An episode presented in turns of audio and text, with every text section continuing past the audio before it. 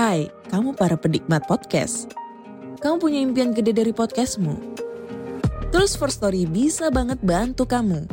Mulai dari F-Link, Dynamic Audio Insertion, sampai statistik yang komprehensif. Semua ada di First Story. Gak ketinggalan kamu bisa monetisasi podcastmu lewat iklan dari First Story Ads yang bisa kasih kamu penghasilan dari setiap place podcastmu. Yuk gabung sekarang dengan klik di firststory.me. Sekali lagi, klik di firststory.me. Mari kita bawa mimpi podcastingmu menjadi kenyataan. Hello? Hello? Podcast Network Asia. Halo semua santuyers, ketemu lagi sama gue Helios, si Dewa Matahari pelihat segalanya. By the way, gimana episode kemarin? Udah dengerin kan soal patung gue yang termasuk tujuh keajaiban dunia itu? Ya, walau nggak happy ending dan akhirnya tumbang dan hilang, tapi kan ceritanya terus abadi. Ngomong-ngomong soal abadi, nggak akan ada yang lebih abadi daripada cinta. Oh, nuansa Valentine ini emang asiknya ngomongin cinta ya. Nah, gue tahu, gue tahu, gue cuma dewa matahari dan juga dewa gosip. Ini kerjaannya Eros sebenarnya, cuma well, lu cuma punya gue, jadi lu dengerin aja ya. Nah, kali ini gue pengen spill cerita tentang dynamic duo Artemis dan Apollo. Dan cerita cinta mereka kala cinta menggoda. Nah, penasaran kan lu? Mumpung sekarang Apollo lagi ngider gantiin gue, gue mau bebas nge-spill soal dia terutama. Mampus lo.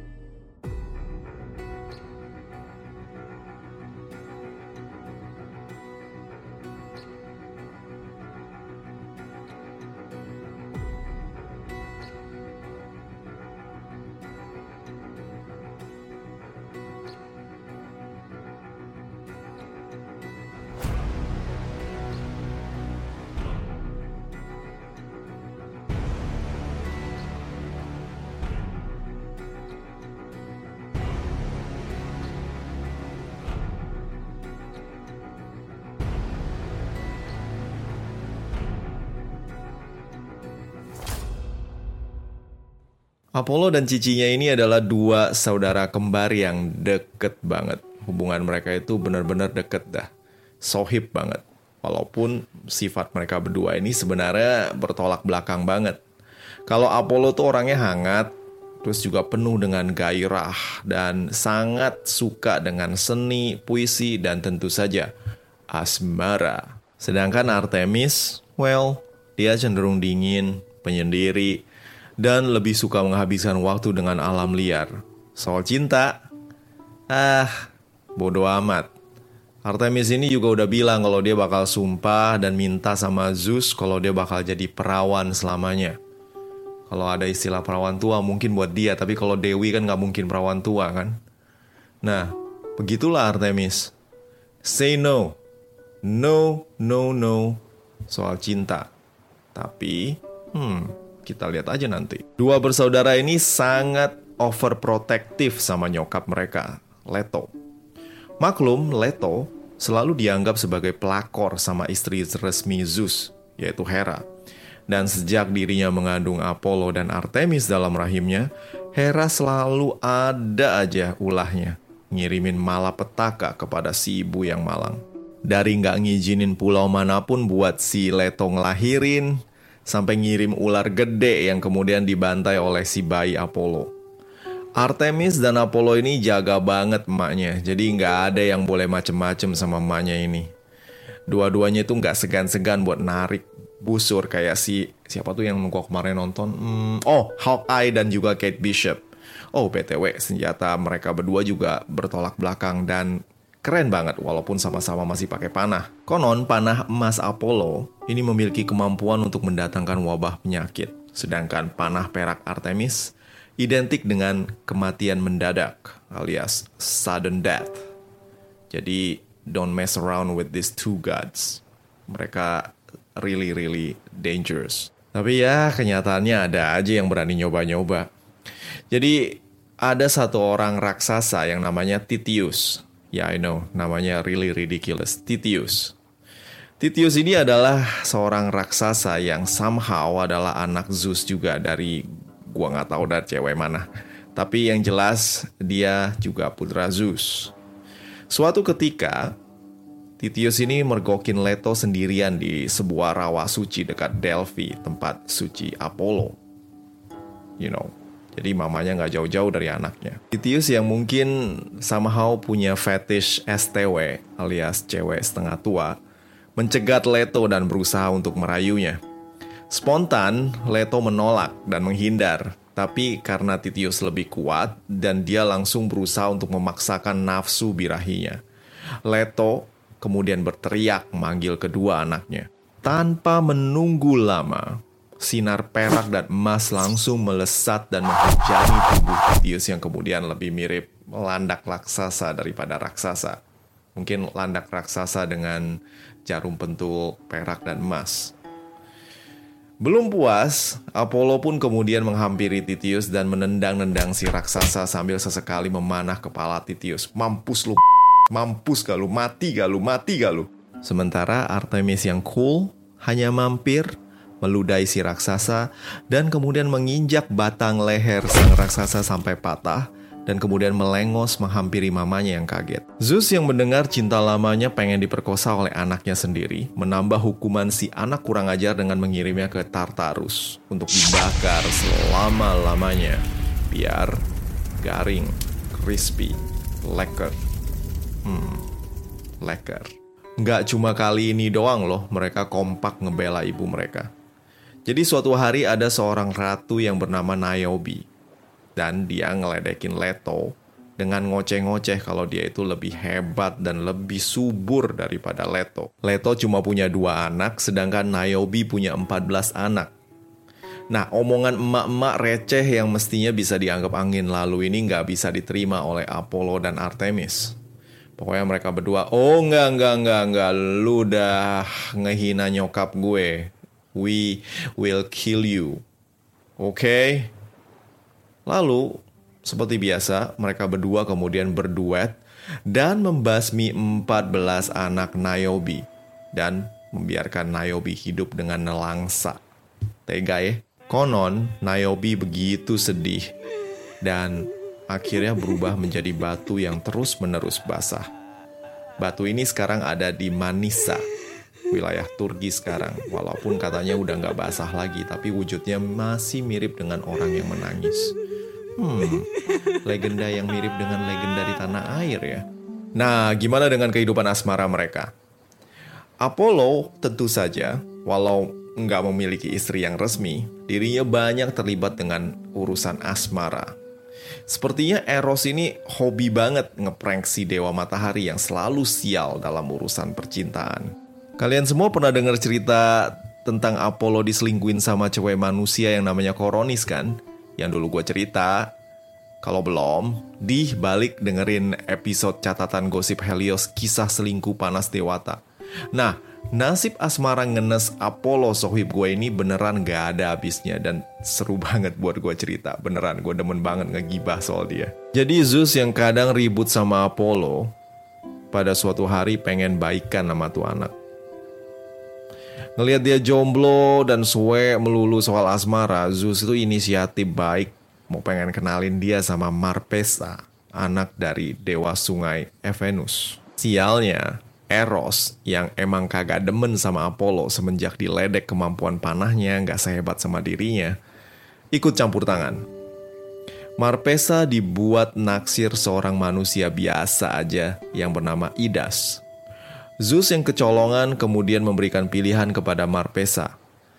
Mau jadi bini Apollo, sang dewa matahari, atau jadi istri dari Idas, manusia biasa. Ingat loh, pilihannya yang satu dewa, yang satu manusia. Dan Marpesa pun kemudian memilih Idas sebagai suami. Dan Apollo pun kembali dalam kondisi jomblo tak berujung. Si Marpesa beralasan, Apollo kan dewa, suatu hari dia akan meninggalkan aku kalau aku udah tua.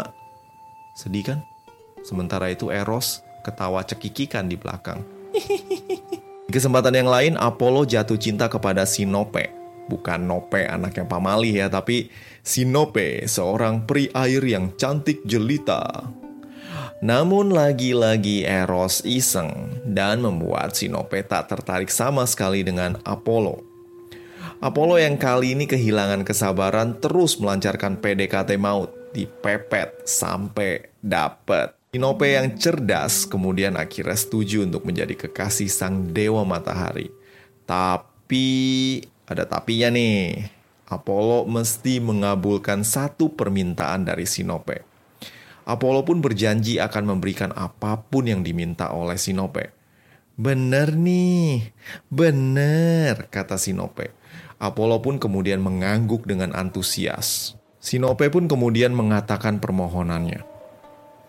Dia bilang dirinya ingin menjadi perawan selamanya. Jeng jeng jeng. Apollo pun kaget. Dan ap, kok kok kok bisa? Tapi aku udah janji. Ja. Apollo, walaupun begitu, dia tetap gentleman. Dia mengabulkan permintaannya. Dia kagak mau kehilangan muka dan gak mau dibilang tukang ingkar janji dan viral se-Olympus. Apollo pun kemudian meninggalkan Sinope yang selamanya menjadi peri cantik nan perawan. Sementara Eros ketawa cekikikan di belakang. lain dengan Apollo yang kebelet banget pengen punya pasangan, lain lagi dengan Artemis yang bersumpah pengen jomblo selamanya. Tapi apalah sumpah kalau cinta datang menggoda. Jadi pada suatu hari, di suatu hutan tropis di benua Amerika, Artemis membidik panahnya ke seekor ular anaconda besar yang sedang mengincar rusa kesayangannya. Tatapannya tajam, bagai istri yang melirik suami yang melirik perempuan seksi lewat. Jarinya stabil, siap meluncurkan anak panah ke mata ular ganas tersebut. Sesaat sebelum panahnya meluncur, sebuah anak panah lain menghujam mata sang ular yang langsung terkapar tewas. Artemis menoleh ke belakangnya. Seorang raksasa tampan berdiri memegang busur dan tersenyum ramah ala Lee Min Ho. Artemis kagum sekaligus heran karena kemampuan raksasa ini tidak kalah dengan dirinya dan adiknya Apollo sang dewa matahari nan galau tersebut. Nama raksasa tersebut adalah Orion. Jadi Orion adalah anak yang lahir dari kulit sapi yang dikencingin oleh Zeus, Hermes, dan Poseidon. Gue gak bercanda beneran, lu kok gak percaya sama gue, ya udah lu google aja. Orion adalah anak yang lahir dari kulit sapi yang dikencingi oleh Zeus, Hermes, dan Poseidon. Jadi gini ceritanya. Konon, Raja Hyrius mendapatkan kehormatan untuk menjamu Zeus, Hermes, dan Poseidon. Raja tersebut menyajikan steak Kobe terbaik dari Jepang dan membuat ketiga dewa tersebut berteriak, Hauce Sencin Pinga!